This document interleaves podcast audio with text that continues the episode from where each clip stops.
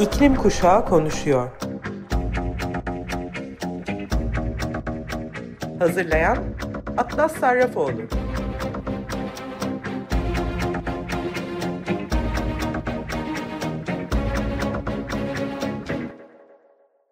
Merhaba Sayın Açık Radyo dinleyicileri. İklim Kuşağı Konuşuyor programına hepiniz hoş geldiniz. Ben Atlas Sarrafoğlu. İklim krizinin içinde yaşayan ve yaşayacak olan bir kuşağın çocuklarına ses olarak buradayım. COP27 bugün sona eriyor. O yüzden hemen son iki hafta sonunda yaşanan sonuçlara bakalım. İlk olarak da Türkiye'nin duyurduğu ulusal katkı beyanına bakalım istiyorum aslında. Uzun zamandır bekliyorduk. COP27'de salı günü toplantılarının ikinci haftasında Çevre Şehircilik ve İklim Değişikliği Bakanı Murat Kurum, Bakanlık oturumunda ulusal katkı beyanının güncellendiğini duyurdu. Türkiye'nin geçtiğimiz yıl Birleşmiş Milletler Genel Kurulu'nda 2053 net sıfır emisyon taahhüdü verdiğini hatırlatan kurum, bu hedefi gerçekleştirme yolunda ulusal katkı beyanının hazırlandığını ifade etti. Tema Vakfı'nda yapılan e, açıklamaya göre Türkiye ilk taahhüdünü 2015'te %20 azaltım hedefi olarak beyan etmişti. Baz senaryoya göre 2020 yılında öngörülen toplam emisyonun 599 milyon ton karbondioksite olacağı hesaplanmıştı. Ve bu sayı Türkiye'nin mevcut gelişim koşullarına göre gerçekçi değildi. Nitekim hiçbir zaman önemli olmaksızın TÜİK verilerine göre 2020 yılında Türkiye'nin toplam emisyonu 524 milyon ton karbondioksit olarak gerçekleşti. Artıştan azalış hedeflenmiş ve hedef başarılı azaltım politika ve uygulamalarıyla değil, öngörülen emisyon miktarının yüksek hesaplanması nedeniyle tutturulmuştu.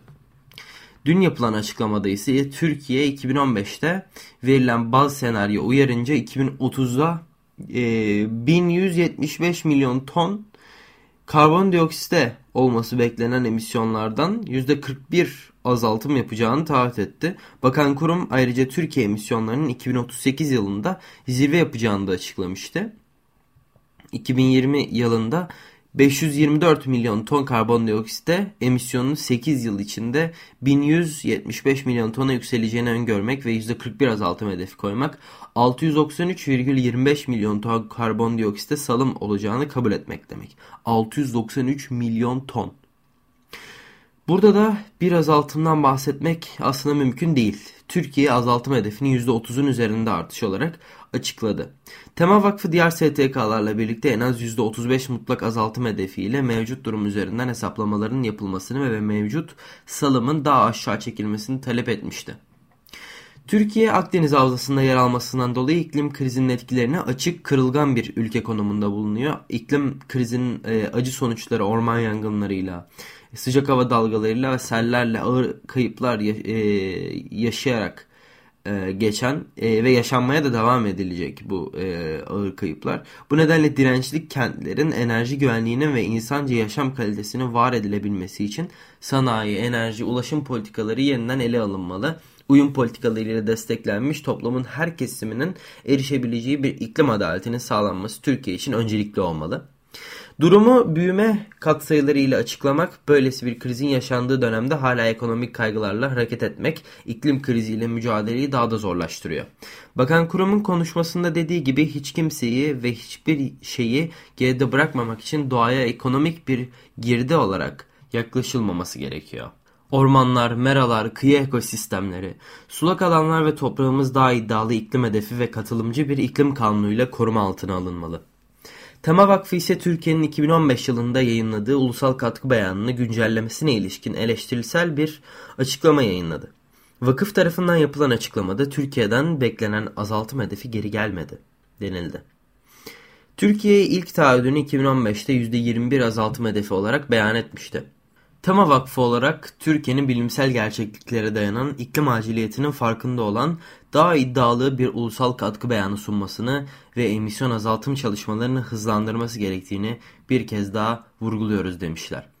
Evet maalesef Türkiye olarak iklim kriziyle mücadelede oldukça geri, geride bulunuyoruz. Ön safhalarda bulunan ülkelerden olamıyoruz. Paris Anlaşması'nı imzalayan ve meclisinden geçirip onaylayan sonuncu be, sondan 5. ülke olduk. Sadece Türkiye olarak değil, umarım bütün dünya olarak. Krize kriz gibi davranmayı öğreniriz ve problemi ancak böyle çözebiliriz. Evet, şimdi küçük bir müzik arası vereceğiz. Ondan sonra haberlerimizle birlikte tekrar buradayız. COP27 enerji gününde de 1,5 derece hedefi vurgulanmış. Onun haberine de bakalım istiyorum.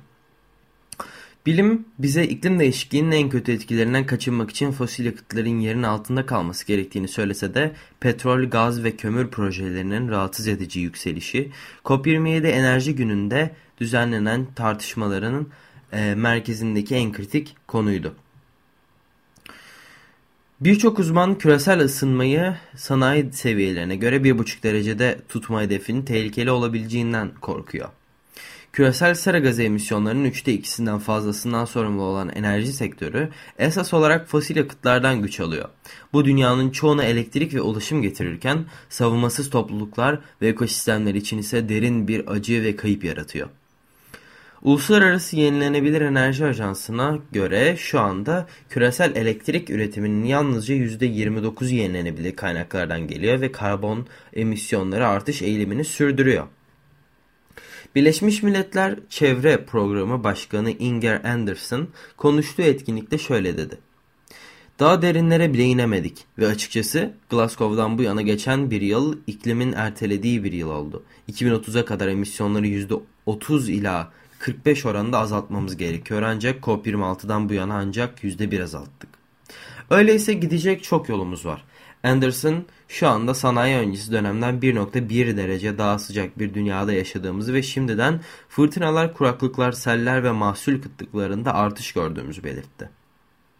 Mevcut politikalar bizi 2.8 derecelik bir dünyaya götürüyor. Emisyon azaltımı ve yükü kimin taşıdığı hakkında konuşmamız önemli. Bu hafta toplanacak olan G20 tüm emisyonların %75'inden ortak sorumluluğa sahip. Anderson bu ekonomilerden iklim finansmanına ve iklim adaletine yap yatırım yapmalarını da istedi. Birleşmiş Milletler İklim Değişikliği UNFCCC İcra Sekreteri Simon Stiel küresel ısınmayı 1,5 derecede e, tutmanın önemini vurguladı ve bunun Paris Anlaşması tarafından belirlenen bir hedef olduğunu ancak aynı zamanda sağlam bir şekilde bilime ve somut verilere dayandığını söyledi. 1,5 derecenin üzerindeki herhangi bir artış sağlık riskini e, azaltıyor. Geçim kaynakları, gıda güvenliği, su temini, insan güvenliği ve ekonomik büyüme e, riskleri de artıyor. Birçoğu için bu zaten yaşanan bir cehennem. 1,5 derecenin üzerindeki her bir derece bu gezegende insan yaşamını giderek daha fazla tehlikeye atıyor. Stiel ülkeleri Glasgow İklim Paktı'ndaki 1,5 dereceyi göz önünde bulundurma taahhütlerinin yerine getirme çabalarına titiz olmaya, hafifletme, uyum sağlama, kayıp ve hasar finansmanı ve hesap verilebilirlik konularındaki hızlı eylem sağlamak için Sharm el Şeyh'teki bölünmeyi aşmayı ve ilerlemek için önemli pozisyonlar almayı çağırdı. Birleşmiş Milletler İklim Şefi Güney Afrika'nın kömürden yeşil enerjiye geçmek için milyonlarca dolarlık bir plan başlattığını olumlu bir şekilde belirterek bunu fosil yakıtlardan uzaklaşmaya yönelik küresel baskıda önemli bir an olarak nitelendirdi. G20 bakanları bu hafta Bali'de bir araya geldiğinde bu alanda daha fazla iddia duyacağımızı tahmin ediyoruz. Bu nedenle COP27'de ilerleme kaydediyoruz. Ancak daha fazla daha hızlı hareket etmek gerekiyor.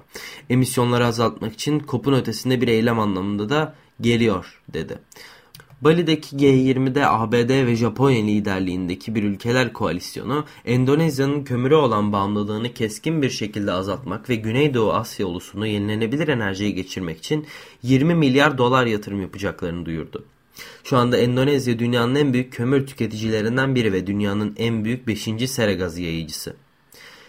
Birleşmiş Milletler Genel Sekreteri Antonio Guterres G20 zirvesinin açılış gününde gelişmekte olan ekonomilerin yenilenebilir enerji kaynaklarına geçişini sağlamak için ve hızlandırmak için mali ve teknik yardım sağlarken gelişmiş ekonomilerin artan küresel sıcaklıkları 1,5 derece santigrat da 1,5 e, santigrat dereceyle sınırlamak için ek çaba sarf ettiği bir iklim dayanışma paktı önermişti.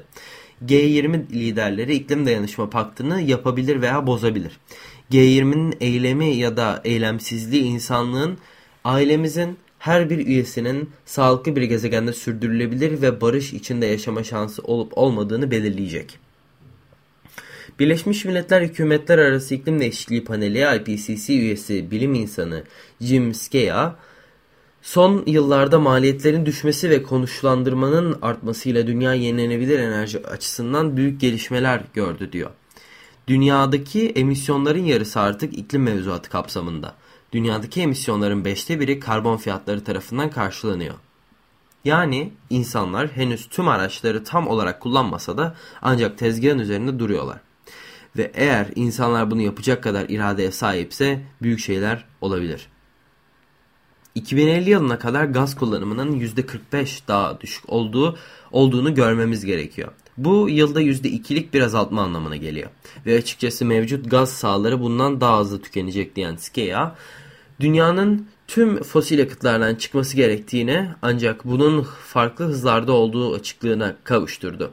Bu arada IRENA Genel Direktörü Francesco La Camera, enerji sistemlerinin geleceğinin büyük ölçüde yenilenebilir kaynaklara dayanacağını ve yeşil hidrojen ve biyokütlenin sürdürülebilir kullanımı ile tamamlandığını açıkladı. Bugün enerji sisteminde 3'te birden daha az yenilenebilir, 3'te 2 fosil yakıtımız var. 2050'de Yenilenebilir ve temiz enerjinin üçte ikisinden fazlası e, oluşacağı bambaşka bir durumla karşı karşıya kalacağız. Her şey değişiyor diyor.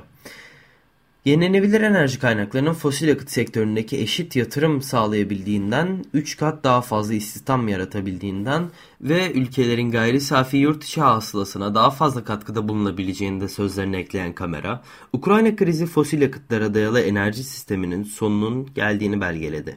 Hükümetler aniden ülkenin %80'i fosil yakıtlara bağımlı hale getiremeyeceğimizi keşfettiler ve artık herkes daha bağımsız olabilecek bir sisteme geçmek istiyor dedi.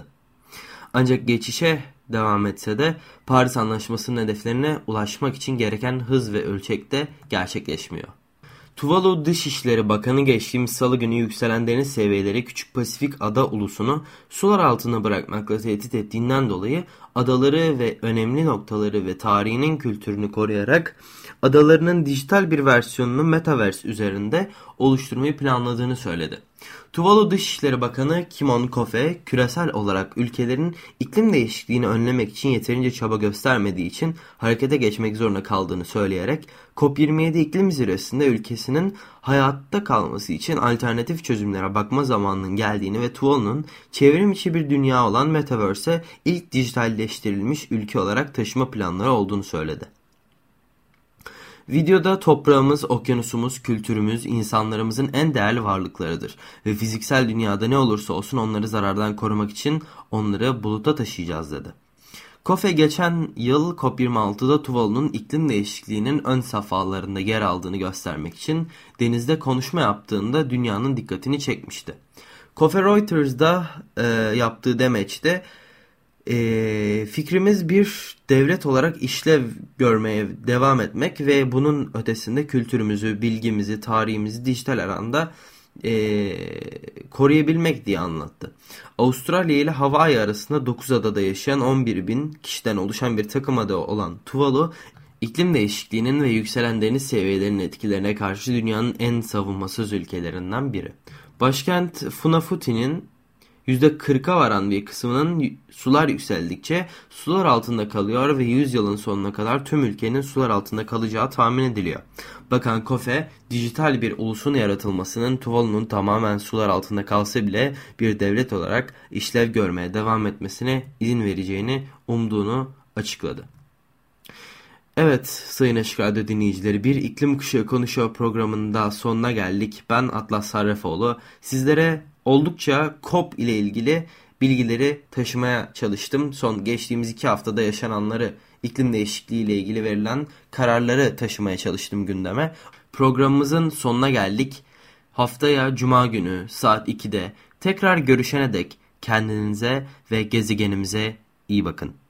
Görüşmek üzere.